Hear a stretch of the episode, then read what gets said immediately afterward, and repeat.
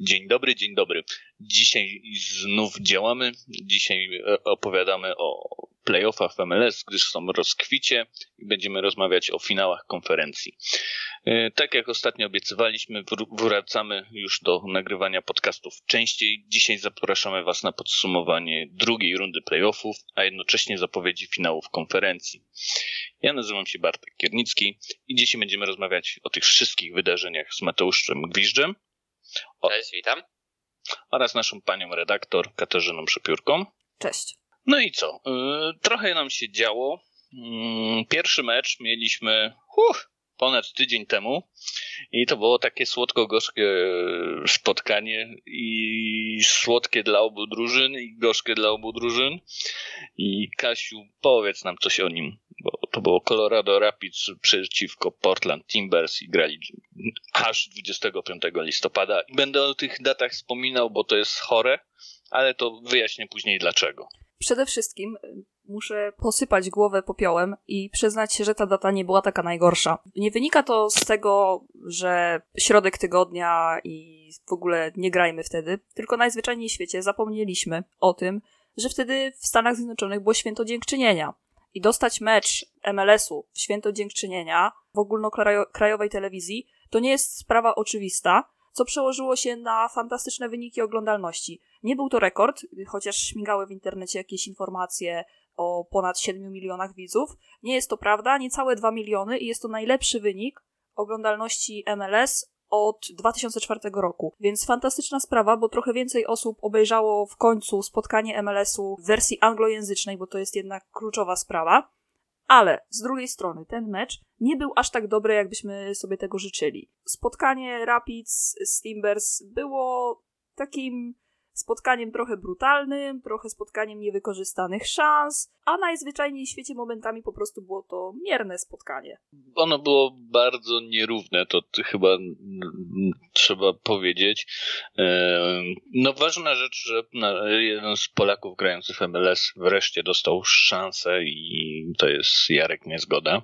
Nasz designated player z Portland. Tak, zasłużenie, to nie można e, go cały czas krytykować. Tak, zazwyczaj po nim no. jeździmy, ale tutaj przy tym, jak w ostatnim czasie e, prezentował się Felipe Mora, a prezentował się po prostu słabiutko, to Giovanni Savaris słusznie zaryzykował, wstawił Jarka Niezgody do podstawowego składu. Zresztą, jeżeli to miał być jakiś moment na eksperymenty, to właśnie w tym meczu. Co prawda, Colorado Rapids rozstawieni, e, w końcu pełne trybuny, ale e, to wciąż jest taki rywal, gdzie można było poeksperymentować. Czy niezgoda wykorzystał tę szansę? Polemizowałabym. Co prawda był bliski asysty, takim troszeczkę zgraniem, nieoczywistym piłki. Ta sytuacja została... Zaskakująco dobre to było. Tak, to było zaskakująco dobre. Z linii, z linii, z, zaskakująco, bo no, on jest takim napastnikiem, że jak on dostanie pole, e, piłkę w polu karnym, to on próbuje strzelać. Tak, no, A tutaj, tutaj nawet nie za bardzo miał znalazł, jak znalazł strzelać. partnera. No,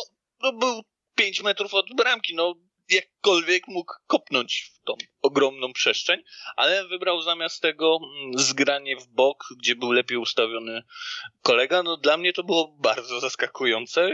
No rzadko widzieliśmy takie sytuacje u niego. Niestety to chyba była jedna z niewielu sytuacji, za które można pochwalić raz, niezgodę w tym meczu. Raz, raz jeszcze w sezonie zasadniczym miał taką akcję, że podawał całkiem fajnie, ale to dalej to są takie, jak to się mówi, rodzynki w jego grze.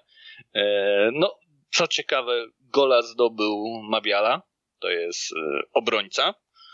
I to był jego drugi gol w drugim meczu w playoffach, co jest jeszcze bardziej zaskakujące, no bo on taki bramkoszczelny nie jest i czy on zmienia się w aspirle y, playoffowego w tym roku? Można Kasiu? tak powiedzieć. Y, przy czym Mabiala cały czas popełnia błędy w obronie. Mm, oczywiście w meczu z Minnesota United te błędy zostały częściowo naprawione, bo jego bramka to była bramka na remis i potem Portland grało się zdecydowanie lepiej. No i tutaj kluczowe jedyne trafienie w meczu z Colorado Rapids. Bardzo, bardzo ważne, bo sama końcówka meczu wydawało się, że będzie już dogrywka. Tymczasem Mabiala kolejny raz ratuje Portland Timbers.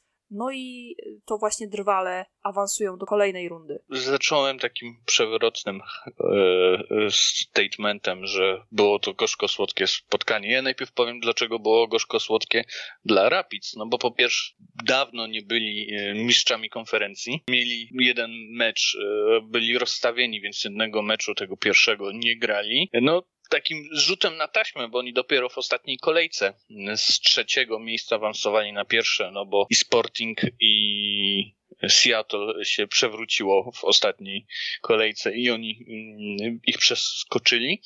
Ale czemu gorzko-słodkie, no bo niby fajnie, ale wydaje mi się, że jakby zajęli drugie albo trzecie miejsce i grali z takim Realem Salt Lake, to byśmy teraz o nich rozmawiali, że awansowali do e, finału konferencji, bo Portland z tych w porównaniu do Real e, Salt Lake to jednak nie ta klasa. I dla mnie no przegrali tym, że awansowali i trafili na Portland. Tak dla mnie, nie? A gorzko-słodkie dla Portland, no to oczywiście, że awansowali, no ale okupili to stratami w pierwszym składzie i znowu oddaję głos Kasi. To było spotkanie, które przez pewien moment wydawało się y, że doprowadzi do wygranej Colorado Rapids, bo oni naprawdę dominowali w środku pola, bardzo dobrze grał Kelly na Costa, rzadko możecie usłyszeć to z moich ust, ale taka jest prawda. Do tego całkiem... Znaczy reprezentacyjnie niezbyt, ale w, w, w kadrze gra słabo, w lidze gra dobrze. Ja tak będę go bronił. Po prostu nie powinien być powołany do reprezentacji. Przepraszam, że ci wszedłem w słowo, ale on dobrze grał w całym sezonie zasadniczym, więc y, po prostu jest, nie nadaje się do reprezentacji do tego systemu, w którym gra reprezentacja, ale w lidze gra dobrze. Przepraszam, już się nie odzywam. Ale ogólnie to, co Bartek wcześniej mówił, to ma jakieś pokrycie, mam wrażenie, w ostatnich latach, bo ten fakt, że, że, że Colorado wskoczyło na to pierwsze miejsce, jakby można powiedzieć, że ich trochę zabił w tych playoffach i, i to, to coś, co zresztą za, za chwilę do tego tematu, zresztą chwilę później do tego tematu znowu wrócimy, bo to, to nie jest pierwsza taka sytuacja w tych playoffach, nie jest pierwsza taka sytuacja w ostatnich latach i ten, ten baj, który dostaje ta pierwsza drużyna jest często takim killerem, bo wchodzi się po kilkunastu, kilku, nawet więcej niż to 20 plus dni prawie e, przerwy od, od gry chyba, jeżeli się nie mylę. I, I to jest często takim killerem, bo momentum zabija czasami drużyn i, i, i to właśnie w tych playoffach obserwujemy. Wracając do tych właśnie absencji, no to głupia kartka Asprili, który nie zagra w finale konferencji. Do tego kontuzja Sebastiana Blanco. Co prawda mówi się, że może jakimś cudem uda mu się trosze, uda mu się zagrać kilka minut z Realem Salt Lake, ale jest to ogromne osłabienie, bo Sebastian Blanco w tym sezonie i w zasadzie w poprzednim częściowo, dopóki się nie połamał, to był taki Diego Valerii z najlepszych lat, więc to jest ogromne, ogromne osłabienie. Do tego dochodzi ta niepewna obrona i takie rotacje, które no nikomu nie wyjdą na dobre. Zresztą jak spojrzymy sobie na ławkę rezerwowych Portland Timbers, no to śmiało możemy mówić o tragedii, bo tam naprawdę no mało kto jest gotowy do gry. Z drugiej strony, no mają jakąś... Yy... To jest to fajne w Gio, że trener Portland często rotuje składami, więc yy... tak. jest, jest szansa, że oni byli w grze, prawda? Więc to, to, nie, to nie jest tak... On potrafi zarządzać ego zawodników, a jednocześnie nie doprowadza do sytuacji, w której piłkarze łapią głupie kontuzje przeciążeniowe ze względu na przykład na zbyt dużą liczbę rozegranych meczów. Więc tutaj ten szkoleniowiec akurat pod tym względem nie ma sobie równych. Aczkolwiek jak spojrzymy właśnie na tę ławkę rezerwowych, to oczywiście mamy tam jakichś pojedynczych zawodników, którzy mogą wejść i pokazać się z dobrej strony. Natomiast nie są to piłkarze, którzy mogą, mogliby przesądzić o wyniku spotkania na ten moment to nie są tacy piłkarze. Z drugiej strony wiemy, że w playoffach może się wydarzyć wszystko.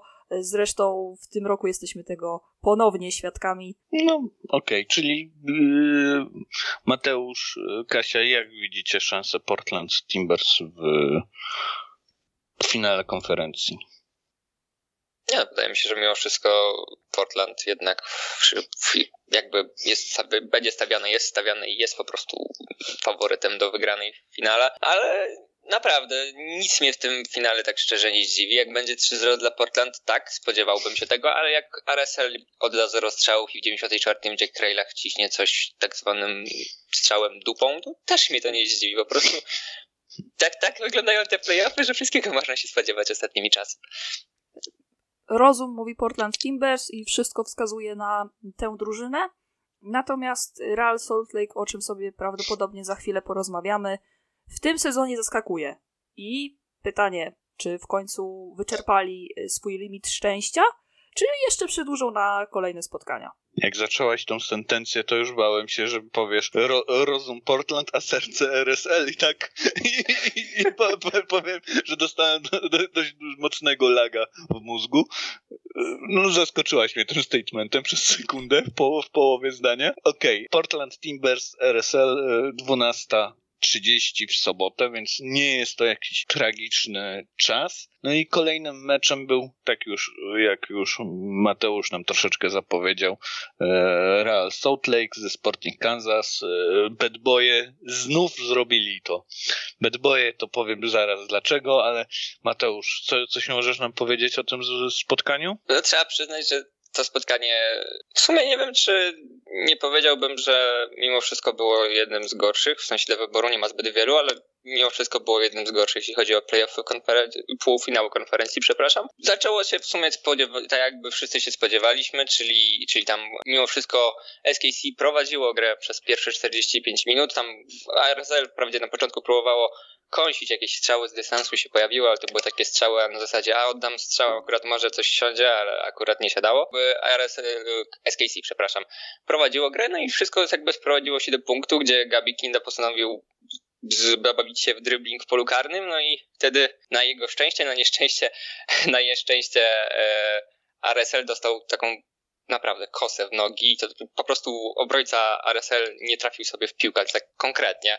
I, I oczywiście mieliśmy rzut karny, który pewnie wykorzystał John Russell. Mało mm, tego chciałam tylko spotkanie... dodać, że ten faul popełnił jeden z lepszych obrońców w tym sezonie, mianowicie Aaron Herrera. Więc trochę szkoda chłopaka, bo pokazuje nam się z dobrej strony w ostatnim czasie, no ale tutaj ewidentnie jego wina i niestety karny na jego konto. Tak, tak, karny, no niestety ewidentny. Mm, ale cała ogólnie pierwsza połowa, mam wrażenie, jakby. Gdy oglądałem to spotkanie, to miałem wrażenie, że gdyby pierwsza połowa skończyła się, mimo że nie było tak czystych, ewidentnych sytuacji, w tym jakby w tych pierwszych 45, tak to gdyby pierwsza połowa skończyła się wynikiem 2-3-0 dla SKC, to chyba nikt nie mógłby mieć pretensji, bo, bo naprawdę mm, wyglądało to naprawdę nieźle ze strony drużyny z Kansas. Nikt chyba nie powiedział, że w drugiej połowie też trzeba, też trzeba wyjść na boisko. O tym zapomnieli i po prostu w okolicach 50 minuty po prostu mecz się całkowicie odmienił. SKC jakby przestało grać, przestali biegać, przestali się starać, nie wiem jak to po prostu określić, żeby to źle nie zabrzmiało, ale po prostu RSL przejęło pełną kontrolę nad tym spotkaniem, a już szczególnie po zmianach. Mi się wydaje, że trener yy, Kansas przegrał to spotkanie. Jak U, zwykle, odważna teza, teza aczkolwiek... chwalę i zwykle jestem jego wielkim fanem, bo w, w, środku niczego, bo Kansas jest na środku niczego w USA. Oczywiście to jest wyolbrzymione, no ale piłkarsko jest to pustynia, no nie oszukujmy się. Oprócz, Zbudowali... oprócz całego centrum i głównego... Tak, to, no oni, on, oni reprezentacji zbudowali... Stanów. Chodzi mi o reprezentację Stanów, tak, bo tak, tam tak, obok tak, SKC tak, jest tak. cała ta główna siedziba federacji. Tak, ale po prostu oni zbudowali no na takim małym, bo to jest mały rynek, tak? To Kansas w porównaniu, nie wiem, do Nowego Jorku czy Los Angeles to jest malutki rynek, tak? W środku niczego, no, zbudowali naprawdę dobrą markę, która prawie zawsze walczy w playoffach ma, mają stabilny skład, a nie wydają milionów. Znaczy wydają miliony, ale w porównaniu, nie wiem, do takiego e, Galaxy czy Los Angeles FC, no to no, no ro, ro, robią to sensownie i mają fajną drugą drużynę, rozwijają młodzików, ci młodzicy wyjeżdżają później do Europy, no wszystko tam się spina. Peter zwykle jest świetnym trenerem, ale tutaj jakoś nie dojechał moim zdaniem z zmianami. Ale Peter bo... rzadko kiedy dojeżdża w ogóle na playoffy. Ze zmianami. Spo... Ze zmianami tak. też, ale jak sobie spojrzymy na wyniki Sportingu e, KC w playoffach za czasów Petera Vermesa, to naprawdę nie, nie ma tam żadnych powodów do dumy. SKC przy tym składzie, jaki mają, przy tym jak grają w sezonie zasadniczym, jaki mają potencjał na osiągnięcie wyników w playoffach, to niestety ale zazwyczaj to się kończy właśnie porażkami. Po tym meczu widziałam bardzo wiele opinii, że być może to już jest czas, żeby pożegnać się z tym trenerem, bo tak. prawdopodobnie więcej już nie osiągnie. SKC no w drugiej połowie, no to robić, no, no, konferencji. No, bardzo mi przykro, ale no jak oddajesz w drugiej połowie praktycznie jeden strzał z Realem Salt Lake, który e, nie był w stanie oddać żadnego strzału w meczu z Seattle Sanders, no to coś jest nie tak, no ewidentnie. Nawet jeżeli spojrzymy na piłkarzy, którzy grali naprzeciw siebie, no nie oszukujmy się, środek pola SKC, a środek pola w ogóle Realu Salt Lake, to, to, to w ogóle nie ma żadnego porównania. Tak samo atak, gdzie no w ataku to jest kosmiczna przewaga wręcz y, SKC i tego nie było widać w tym spotkaniu. Tego nie było widać, jak na litość włoską może się dziać coś takiego, że wchodzi sobie Anderson Julio, wchodzi sobie Justin Meram, który był już odstrzelony przez kilka drużyn i wchodzi sobie Bobby Wood. Bobby Wood. I, i, ja wiem, i oni są w stanie tak, odmienić. Jesteś przeciwko Woodowi, no to jest chłopak, który miał dwa dobre sezony w Wunderslidze. To już wow. jest coś, co wyróżnia, e, e, stawia go lepszym niż jedna trzecia piłkarzy, napastników w MLS i każdy napastnik na przykład w Ekstraklasie. No spoko, ale nie, nie pokazuje tego, was, nie, no bądźmy poważnie. Chciałbyś Przepraszam, musiałem. Jeżeli chciałbyś takimi kryteriami patrzeć, to już nawet w naszej pięknej lidze znajdziesz gości, którzy zagrali kiedyś sezony w jakiejś drugiej hiszpańskiej, czy, ale czy to oznacza, że są lepsi? Bundesliga, tak nie, nie no spójrzmy sobie nawet na Podolskiego, który jest mistrzem świata, no i co? I jest najlepszym ale zawodnikiem ma, w Ekstraklasie. ostatnio. A, piękną, ja, racja. Do, jakby, no nie, właśnie. nie wchodźmy w ogóle na te tematy. Chcę tylko powiedzieć, że tych trzech zmienników odmieniło losy spotkania. Real Salt Lake tak. niespodziewanie i mam wrażenie, że to po części był trochę plan Mastrojeniego, że w pierwszym meczu udajemy, że nie potrafimy grać w piłkę, co zresztą można podejrzewać, że tak rzeczywiście jest. I potem nagle w drugiej połowie z SKC mamy Real Salt Lake, który rozgrywa piłkę, który podaje napastników, który rozciąga grę i strzela dwa gole.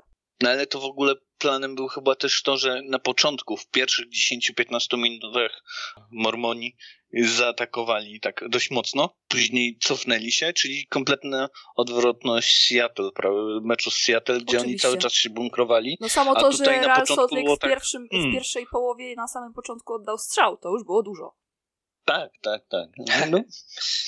Okej, okay, no to mm, nie przedłużając, jak widzicie e, szanse Salt Lake z Portland Timbers?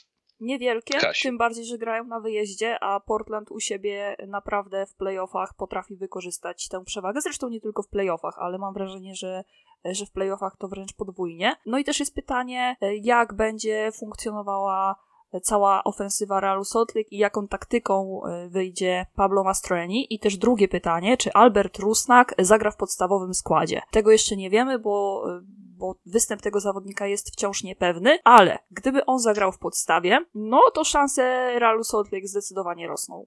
Jak już wcześniej mówiłem, no nie spodziewam się niespodzianki, ale ponieważ e, jak, to, jak to teraz się mówi, I believe in Damir Klejlach Supremacy, wydaje mi się, że e, jeżeli Chorwat zagra na swoim zwykłym poziomie, a nawet trochę lepiej, a gdyby jeszcze miał pomoc w ogóle Rusnaka, to już, to już w ogóle byłoby super. Wydaje mi się, że RSL ma jakieś szanse i, i nie są najmniejsze na świecie. Także, także wydaje mi się, że spotkanie będzie na pewno dobre, no chyba, że RSL znowu włączy taktykę ale z meczu z Sanders, nie, niekoniecznie, ale mimo wszystko wydaje mi się, że, że spotkanie może być ciekawe i, i, i to wcale nie jest rozstrzygnięte jeszcze, kto awansuje.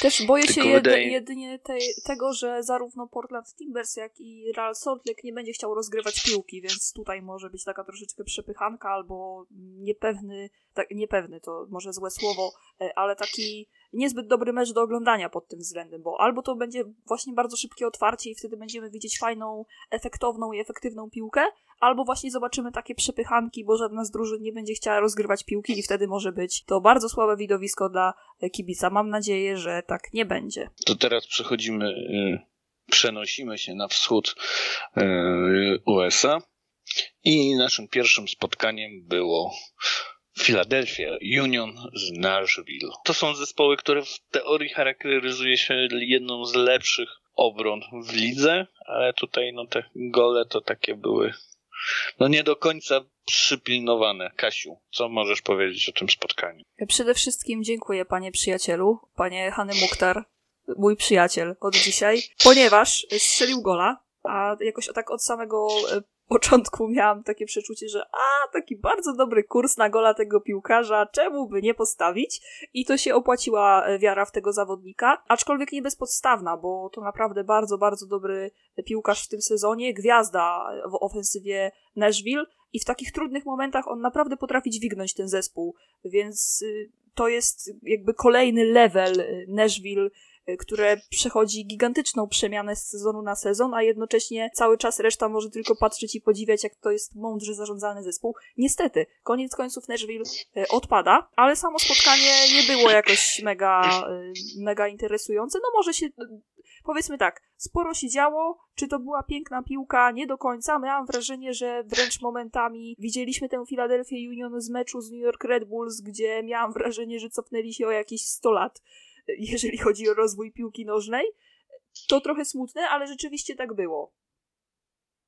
Straszne, straszne, naprawdę. W sensie, mm, jakby tamten mecz, o którym wspominasz, Red Bulls, to, to było straszne, nie chcę o tym pamiętać.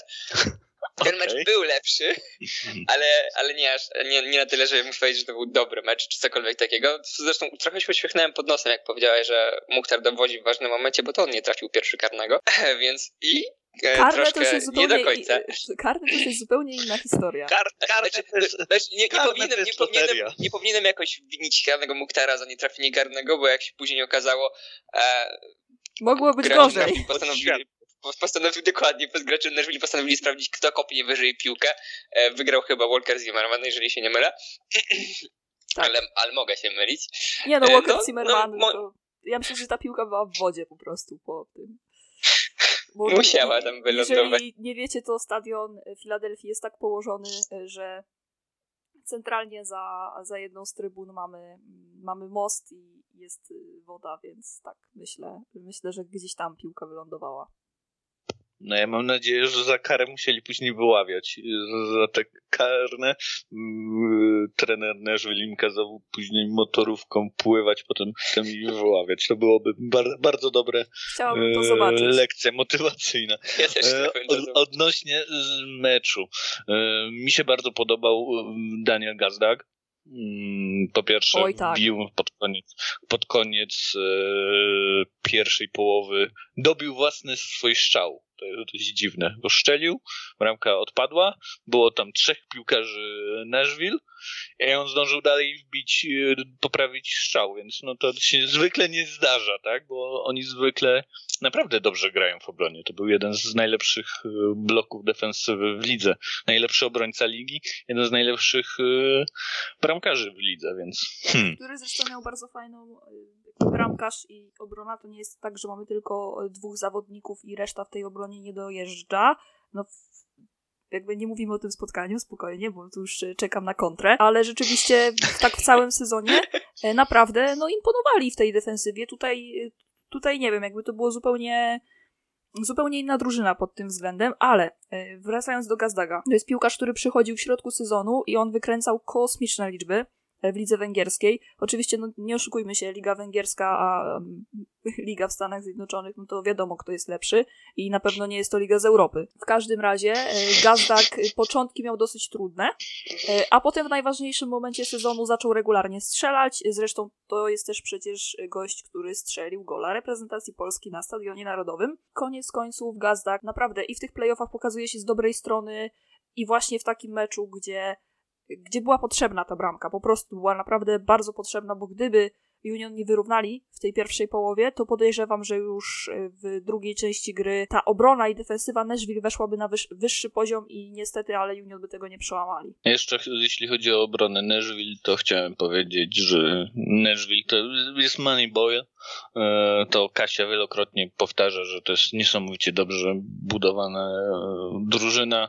Dla mnie jednym z największych odkryć był Alistair Johnson, Kanadyjczyk, wyciągnięty z draftu bo on wcześniej tam kopał się po głowie w lidze okręgowej kanadyjskiej, 11 albo 12 pik i zrobili z niego reprezentanta Kanady. Dzisiejszej Kanady, nie takiej z 5 przed 10 lat, że tam każdy się łapał, tylko dzisiejszej Kanady, więc no jest to no, dla mnie świetne. Chłopak już ma ponad 40 Zresztą spotkań na liczniku. spore problemy miał Kasper Przybyłko. Był taki moment, gdzie wydawało się, że Kasper... Właśnie chciałem to, właśnie chcia, chciałem to powiedzieć, że on tam go dość ładnie czyścił. Znaczy e, Kanadyjczyk e, Polaka i naprawdę jeden z takich jaśniejszych punktów, nie? To był, to był ciekawy dla... pojedynek przez cały mecz. W zasadzie te pojedynki e, Alistara z Kasprem Dosyć ciekawie się to oglądało dla takiego postronnego kibica. Myślę, że dla fanów Philadelphia Union i dla fanów samego Kacpra Przybyłki już niekoniecznie.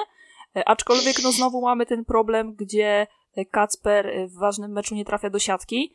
Mam wrażenie, że on się jeszcze może przełamać, bo to nie jest tak, że on tych sytuacji nie miał, albo że miał akurat w tym meczu, że miał jakieś wybitne sytuacje do strzelenia gola. Oj, zdecydowanie nie. To już nie było takie spotkanie jak z New York Red Bulls, gdzie możemy mu zarzucać, że no miał setkę i tej setki nie wykorzystał. Tutaj tak nie było. No i teraz jest pytanie, jak y, Kacper będzie się uzupełniał z Santosem w tym najważniejszym meczu sezonu, jak y, na ten moment, bo Philadelphia Union nigdy nie grała w, konfer- w finale konferencji wschodniej, a teraz po serii rzutów karnych okazuje się, że tak jest. Philadelphia no melduje no ten... się w finale konferencji. I teraz będziemy jeszcze dwie sprawy. E, trener Filadelfii i karne. Co się stało w karnych, Mateusz? Nie, Bartek, ty mi powiedz, bo ja też naprawdę nie wiem, co tam się stało. Nigdy bym się nie spodziewał. Nigdy bym się nie spodziewał. Oglądałem trochę rzutów, serii rzutów karnych w swoim życiu. No, powiedziałbym, że będzie tego pod...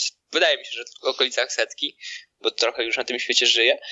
Ale to chyba było jedno z gorszych, jeśli chodzi o Nashville, to było jedno z gorszych karnych, jakie w życiu widziałem. Nie wiem, czy oni jakby nie wytrzymali presji, czy po prostu chcieli e, chcieli strzelać tak mocno, już mówię głównie o Zimmermanie chociażby, że, żeby na pewno weszło do tej bramki w ten róg, ale, ale naprawdę to, to, to, to, to, nie, to nie był przyjemny widok, jeżeli się jest fanem, jeżeli się było fanem, albo jest nawet w sumie, czemu moglibyście nie być Nashville.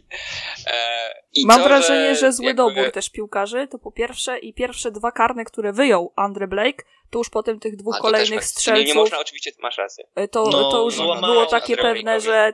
No, wyobraźcie sobie sytuację, że dwóch, y, dwa pierwsze rzuty karne zostają obronione przez Andre Blake'a i kolejne dwa tak podchodzisz i już wiesz, że masz na sobie niesamowitą presję, bo jak nie trafisz, no to już jest... No, no to już jest źle. To, co właśnie powiedziałeś, chcesz y, strzelić na siłę, no bo skoro on wyjmuje i naprawdę jest w gazie i widać, że naprawdę czuje się bardzo dobrze między słupkami, no to chcesz strzelić na siłę. Tylko jak nie masz odpowiedniej techniki przy strzale na siłę, no to niestety ta piłka ląduje wysoko ponad bramką. Jeden ważny aspekt, który chciałem jeszcze poruszyć odnośnie karnych i to w sumie nawet y, ty pierwsza poruszyłeś, gdy oglądaliśmy to spotkanie, to fakt, że jako trzeci do karnego podchodził McGlynn, czyli naprawdę młody dokładnie, zawodnik. o tym chciałam powiedzieć. To, to, to, to, to zaskoczy, było bardzo zaskakujące, że tak młody zawodnik, on jest rocznik 2003, 3, dobrze pamiętam? 2003. Tak, młody, mhm. tak młody zawodnik podchodzi w tak ważnym momencie do karnego, co najważniejsze, trafia i to na takim pełnym Naprawdę, szanuję. Za, wow. Szanuję za, tak, dokładnie. Szanuję za decyzję trenera i, i też oczywiście młodego za wykonanie, bo to naprawdę w takim momencie trzeba mieć e, no, nerwy ze stali. No i tu właśnie mi piękną klamrę zrobiłeś do ostatniej rzeczy, o której chciałem wspomnieć. Pan trener, bo pan, bo to jest więcej niż zwykły trener Union, co o nim sądzicie, dociągnie w finale? Bo on jest dobrym trenerem, tylko no tak jak Kasia już powiedziała, no, doświadczeń w finałach konferencji czy w finałach mm, mistrzostw no, nie ma, wiecie, tak ogólnie, myślę, że nawet jeżeli Filadelfia odpadnie, koniec końców i tak będą uznawali ten sezon za naprawdę bardzo dobry. Po prostu najzwyczajniej w świecie Filadelfia Union z sezonu na sezon stawia sobie poprzeczkę coraz wyżej i jak w tamtym sezonie w poprzednim roku właśnie wygrali mistrzostwo zasadniczego, tak w tym celem były playoffy. W tych playoffach naprawdę radzą sobie bardzo, y, może nie aż nie aż tak bardzo dobrze, jakbyśmy sobie tego życzyli, e, ale naprawdę nieźle i sam awans do tego finału to już jest y, bardzo duży sukces dla tej drużyny. Możemy powiedzieć w sumie, jak patrząc na pryzmat tych półfinałów, że chwila mimo wszystko będzie dość duży. Może dużym to będzie na pewno faworytem finału. Więc o, to, będzie to, miało przewagę, to jest, będzie to, miało ja się też zgadzam. wojska. Zgadzam się z Mateuszem. Naprawdę? W 100%. O no to ja jestem po, po stronie City. Faktycznie znaczy... Mateusz dobrze zwrócił uwagę, no bo kibiców yy, popierających Union będzie około 98,8%. Dlaczego? Bo tylko 200 miejsc biletowych dostało City yy, na cały mecz, więc powodzonka z zrobieniem atmosfery na 19-tysięcznym obiekcie w 200 osób. Powodzenia. E, e, ja chciałem jeszcze pochwalić Union, bo, bo to już bardzo dawno temu było, ale jednak to jest ten sam sezon. Bardzo ładnie się zaprezentowali e, w Champions League CONCACAF jako jedyny zespół MLS grali coś tam i trochę walczyli, jak równy z równy z Meksykanami. Mocne, słabe strony Union, mocne, dość mocny atak. Przybył Koi Santos, yy, dobry bramkarz, dobra obrona. Mm, no jeden z najlepszych w tym sezonie, tak? On tam walczył z Turnerem web w web. Yy, obaj grali, grali yy, na Gold Cup i no to mo, też Turner wygrał przez to, że ma dane obywatelstwo. A słabe strony? No, nie są doświadczeni. Okej. Okay. I teraz przechodzimy do ostatniego meczu, mm, który odbył się wczoraj, jak nagrywamy podcast, więc to było ponad tydzień różnicy między dwoma półfinałami, między Portland a New England Nie, no versus... ponad tydzień to, to nie było, ale... Albo tydzień. Sześć, sześć dni albo siedem.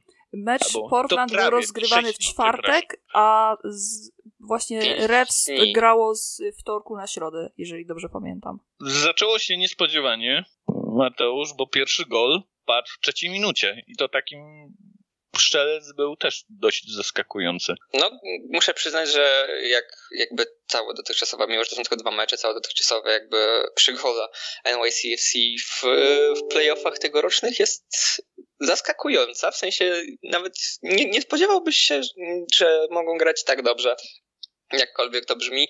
NYCFC raczej było znane z tego, że jak przychodziło do playoffów, wtedy włączał im się tryb playoffowy, czyli granie absolutnie niczego, tracenie goli z tak zwanej, e, no, z przypadku e, i, i, i wykonywanie tym podobnych e, akcji w, i, i robienie jakichś strasznych błędów w defensywie, a jakby ostatnie ostatnie mecze, czyli ta Atlanta oraz oczywiście ten, to było jakby zaprzeczenie tej tezy. Bardzo szybko strzelony gol, to prawda, już w trzeciej minucie po dośrodkowaniu tej Iwona Greya, którego za ten mecz będzie trzeba tylko i wyłącznie chwalić, e, bramkę e, do takiego jakby boleja, jakby można to tak określić, do, do siatki władował Santi Rodriguez, ale też równie szybko NYCFC pokazało e, jakby duch demony przeszłości poprzednich playoffów, bo pierwszy strzał refs i od razu gol. Z rzutu, rzutu wolnego główką piłkę do siatki wpakował nasz napastnik Adam Buxa. No, no, trzeba przyznać, że NYCFC w tym meczu prowadziło grę i, i gdyby nie ten strzał, ten gol Buxy, to chyba przez pierwsze 30-40 minut refs nie mieli żadnego innego strzału. Tak to właśnie wyglądało, że no, New England Revolution nie miało za dużo do powiedzenia w tym meczu i uważam, że jest to przede wszystkim błąd Bruce'a Ariny i jego sztabu. Po prostu nie zareagowali na to, co się dzieje na boisku. Mało tego, nie wiem jakim cudem, ale nie zorientowali się, że dosłownie to samo w poprzednim roku zrobili im piłkarze Columbus Crew. Czyli przede wszystkim New York City FC za co trzeba pochwalić? Za to, że skumulowało wszystkie swoje siły w środku boiska, starali się za bardzo nie rozciągać gry na boki, ale w środku pola to była absolutna dominacja. Naprawdę dawno nie widziałam tak zdominowanego New England Revolution. Mało tego, na bokach oni tam nie rozciągali gry, ale jednocześnie całkowicie wyłączali kluczowego jak do tej pory zawodnika New England Revolution, czyli tej żona Buchanana, który w tym meczu nie miał absolutnie nic do powiedzenia. Naprawdę aż było mi przykro, jak patrzyłam na to, jak go złomuje niemal każdy zawodnik New York City FC. Mało tego, Bruce Arena kolejny raz popełnił błąd, wystawiając dwóch napastników. Czy to, czy to, to było, powiedzieć. Czy to był, Wyję, wyjęłaś mi argument. A czy nie chcę, nie chcę powiedzieć o tym, że e, to był błąd wystawiając tych dwóch zawodników. To może byłoby za dużo powiedziane. Przecież w końcu w tym sezonie zasadniczym oni, e, czyli Adam Buksa i Gustavo Bowu w końcu zaczęli się uzupełniać i w końcu zaczęło to funkcjonować. Niestety w tym meczu wyszły wszystkie braki e, tego duetu przy właśnie wysokim pressingu, przy dominacji w środku pola i przy wyłączeniu kluczowych graczy, czyli wszystkich bocznych stref New England Revolution. Do jakkolwiek to nie mogło zafunkcjonować, Gustavo Bowu nawet nie tyle co przeszedł obok meczu, co był całkowicie wyłączony. I tutaj brak w ogóle reakcji Bruce'a Ariny. On po prostu najzwyczajniej w świecie powinien zdjąć Gustavo Bow i wprowadzić jakiegoś dodatkowego zawodnika do środka pola.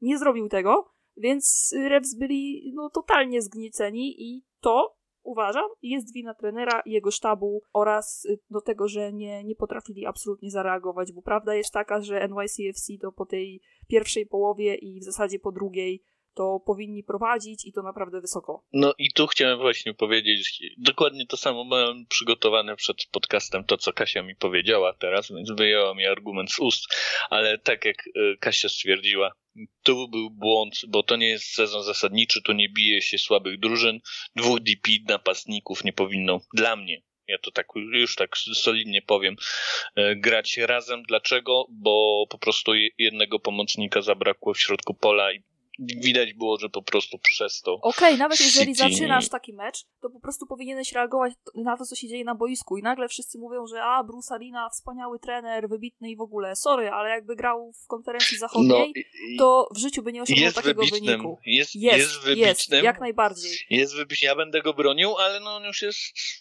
wiekowy, to e, tak nie, nie chcę no boomer, no tak? Nie, nie będziemy ale no... mówić, że jest za stary na to, żeby trenować zespoły, bo absolutnie nie jest. Broń pod tym względem, tylko nie, nie, najzwyczajniej w świecie przy takim meczu i przy tym, że jesteś totalnym faworytem i wszyscy, przy, oczy wszystkich są zwrócone na ciebie, no to sorry, ale jak nie potrafisz zareagować y, na, na to, co się dzieje na boisku, no to, to coś jest nie tak i grasz na swoim stadionie. To o, też. To jest prawda. Tam...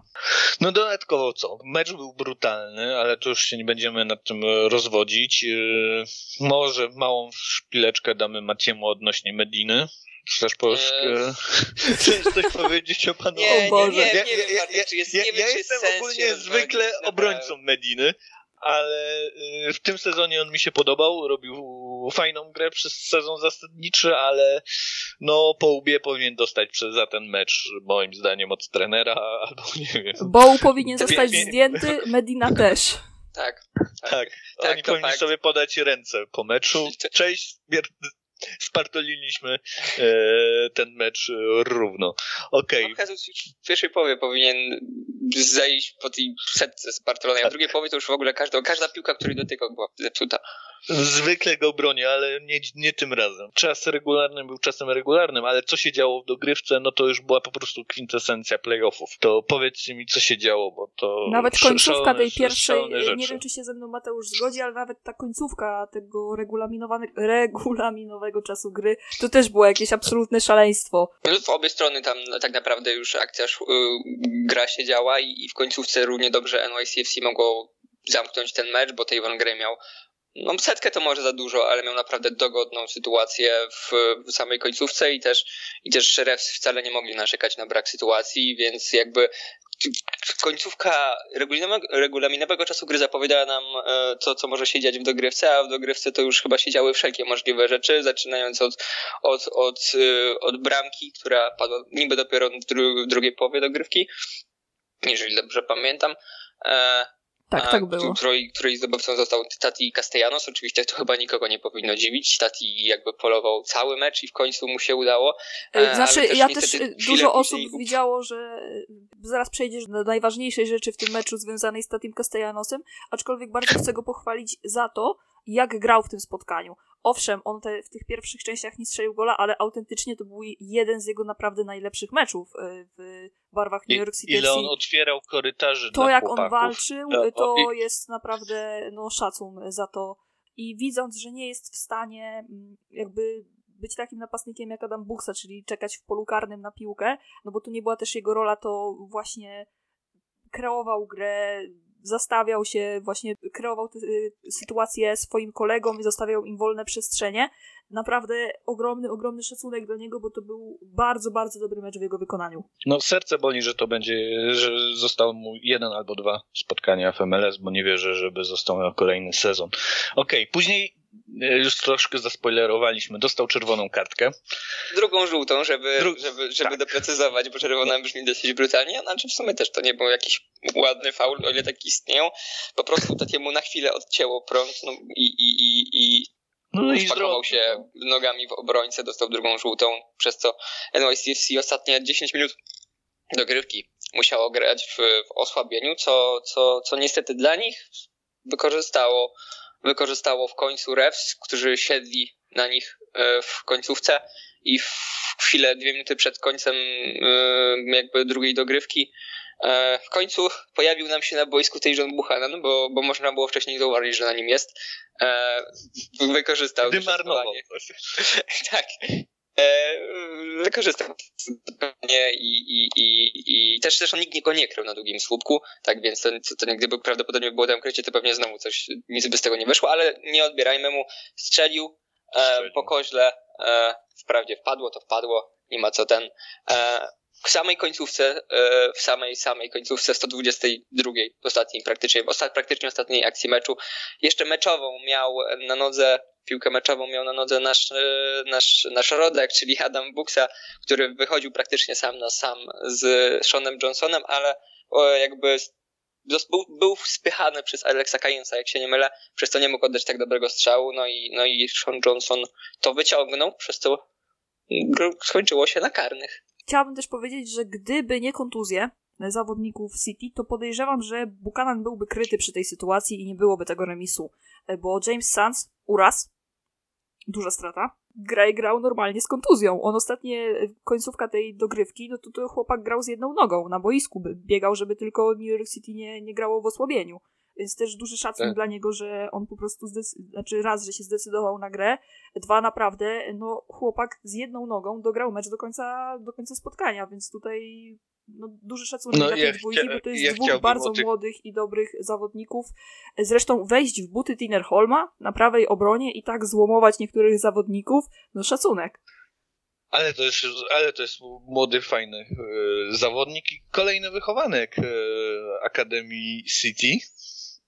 I naprawdę ta akademia produkuje bardzo dobrych piłkarzy. To tak, naprawdę... Tak, Giovanni Reina to jest wychowanek New York City FC. Joe Scully, który opuścił y, MLS, za dużo tam co prawda nie zagrał, y, ale no to teraz w tym momencie jest jeden z lepszych piłkarzy Borussii Mönchengladbach, więc Akademia no New York City naprawdę Top. stoi młodymi, bardzo dobrymi zawodnikami, którzy będą hurtowo wyjeżdżać za granicę. Ja jeszcze czekam na przełamanie Haaka, bo on też niekiedy potrafił pokazać co nieco, ale pytanie, czy uda mu się przełamać. Okej, okay, no opowiedzmy na, szybciutko o karnych, żeby nie przedłużać. Kasiu? No tutaj nie ma o czym opowiadać. New York City FC weszło z buta w te rzuty karne e, i naprawdę e, duży szacunek, że po takim meczu, gdzie presowali przez większość czasu, gdzie dominowali, to oni rozgrywali piłkę, mieli e, siły na to, żeby bezbłędnie wykonać wszystkie rzuty karne. To jest, to jest naprawdę, uważam, bardzo dobry do, dobór zawodników do wykonywania tych jedenastek. Można było tak spojrzeć i mówić, Jezu, w ogóle serio on podchodzi do jedenastki? Nikt się nie pomylił. Każdy wykonał y, swoją robotę bardzo pewnie y, i mam, czy nie mam wrażenia, jestem przekonana, że to był zasłużony awans New York City FC. Też tak uważam. Jedyną, jedyną jakby, jedyną wątpliwość, którą można było poddać, jeśli chodzi o dobór karnych, to jednak był Maxi. Maxi nie trafił żadnego z... No, ma więcej niewykorzystanych niż wykorzystanych karnych, to na pewno. Nie wiem, czy nie trafił żadnego z ostatnich trzech rzutów karnych, do których nie podchodził. Tutaj mogę się mylić, ale wydaje mi się, że no nie ma najlepszych procentów, ale mimo wszystko władował piłkę do siatki. Ale to był ten moment, w którym kibicom NYCFC mogło zadrzeć, zadrzeć serce. Przechodzimy do ważnej pewnie e, rzeczy dla polskich kibiców. Jedynego rzutu karnego nie wykorzystał Adam Buksa. Fatalnie wykonana jedenastka. No, Sean Johnson tutaj nie miał zbyt dużo pracy. Naprawdę dawno nie widziałam, żeby napastnik, no bo mówimy tutaj jednak o klasycznej dziewiątce, w taki sposób oddał strzał z rzutu karnego. Mi się wydaje, że tu mental siadł po tak, prostu. Me, ale, ale znaczy, z drugiej strony wiesz, mental. No, no, nie wiem, no jakby dla mnie to jest no trochę. mental. Po Okej, prostu. ale. z- Decydujący kurde. strzał. No, no sypło się, ale ja chciałbym tu zrobić małego disclaimera, bo jak wiadomo, ja nie byłem zbytnim fanem boksy w tamtym sezonie, nie byłem du- dużym fanem boksy na początku sezonu, a prawdopodobnie to był jego ostatni mecz. w- No tutaj się chyba wszyscy USA. zgadzamy. Że, że Więc on ja idzie do Europy. szybciutką klamrę jego gry w MLS i dla mnie, jak na początku no, aklimatyzacja te rzeczy, to później zasługiwał już na ten status DP. Bo na początku moją główną e, obiekcją wobec niego to było to, że okej, gra, robi liczby, ale nie to, były, to nie były liczby, na które zasługiwały na status DP. Że nie dojeżdżał do tego tieru, który powinni, bo to też oczywiście nie każdy DP odpala w MLS, nie każdy produkuje. To już jest rozmowa na inny dzień i na inną godzinę. Ale na początku nie dostarczał takich y, liczb, ale później naprawdę odpalił i tu nie można mówić, że nie. Był jednym z głównych czynników sukcesu Refs. Świetnie się zgrał z Bow, świetnie się grał, zgrał z Hiszpanem. No, naprawdę, no, jeden z lepszych zawodników, mistrzów i rekordzistów punktowych e, MLS w historii, bo najwięcej punktów zdobyli w historii MLS. Tam pobili jeszcze inne rekordy z wygranymi, no, dużo wy, wy, pobili rekordów, więc no, sezon zasadniczy miał zdecydowanie udany. No, niech mu się wiedzie w tej Europie, niech, niech robi dobrą markę e, graczom z, MLS, że to są fajni piłkarze, których warto ściągać. No. No i Okej, tego, tego e, życzymy. Tylko dodam taką śmieszną rzecz, e, takie fajne podsumowanie przed meczem było, że to jest e, BRAF, Cursed Teams, czyli e, spolszczając, że to jest e, naparzanka przeklętych e, zespołów. Dlaczego przeklętych? To może szybciutko, tak dosłownie dwa słowa. Res grali ile razy w finale Pięć, pięć razy? ani razu nie wygrali mistrzostwa, ale jakby najpierw trzeba dojść do finału. Refs No tego tak, nie ale to zrobili. z- zawsze są przeklęci, a City, no tak jak z, z, od początku istnienia w sezonie zasadniczym zwykle dobrze grają, no to playoffy im zawsze nie wychodziły. No i co, to teraz przechodzimy do tego, kiedy będzie mecz. Mecz będzie e, drugi. Philadelphia Union, New York City 11 grudnia o 21, więc tu bardzo o, fajna 5 grudnia. godzina. E, 5, przepraszam, finał jest 11. 21 chyba też grają, prawda? Tak, o 20. Dlatego się- No to się pomyliłem, dlatego od razu mogę zaprosić na Discorda i na finał, i na e, e, finał konferencji, właśnie 5 grudnia o 21 i na finał w ogóle MLS 11 grudnia o 21. Przypominam, że działamy mocno na Discordzie. To tak tylko klamrę, żeby wszystko zamknąć. City czy Union, Kasiu? Nie jestem w stanie powiedzieć. Mam wrażenie, że to będzie wyrównane spotkanie i po prostu awansuje lepiej. Może tak być, acz- ale y, Philadelphia Union jest faworytem. Okej, poważny statement. E, Mateusz? E, Serce City, rozum, dogrywka i City pokarnych. Okej, no to ja moim zdaniem City. Ja nie powiem City, bo mają bar- są bardzo osłabieni. Nie mają, nie wiadomo Nie, kto tam tak, zagra. Tati. Castellanos nie, na pewno nie zagra. Tak. Do tego dochodzą goście, którzy e, jednak e, mają urazy i nie wiadomo na ile będą w stanie Czy wystąpić Gray w czy Sanz do, dojadą, nie? To jest prawda. E, Stąd ta nie Philadelphia wiem, u jak, mnie. ja, ja, ja, ja, jakoś mam takie dziwne wrażenie, że City to nie, nie merytoryczne, tak? Po prostu mam takie przeczucie, że to jest ten sezon City. No jak, Oni jak nie naprawdę- teraz, to już naprawdę chyba nigdy. To No. Dobrze. No to co? Ja bardzo dziękuję naszym współprowadzącym za rozmowę. Mam nadzieję, że troszkę zajawki przed najbliższymi spotkaniami, ostatnimi dwoma z trzech spotkań w tym sezonie. E, troszkę e, rozpaliliśmy wśród słuchaczy. Dziękuję, Kasiu. Dziękuję. Dziękuję, Mateusz. Dziękuję bardzo. Dziękuję wszystkim za przesłuchanie tego podcastu i do usłyszenia wkrótce, bo znów będziemy prężnie działać z podcastami.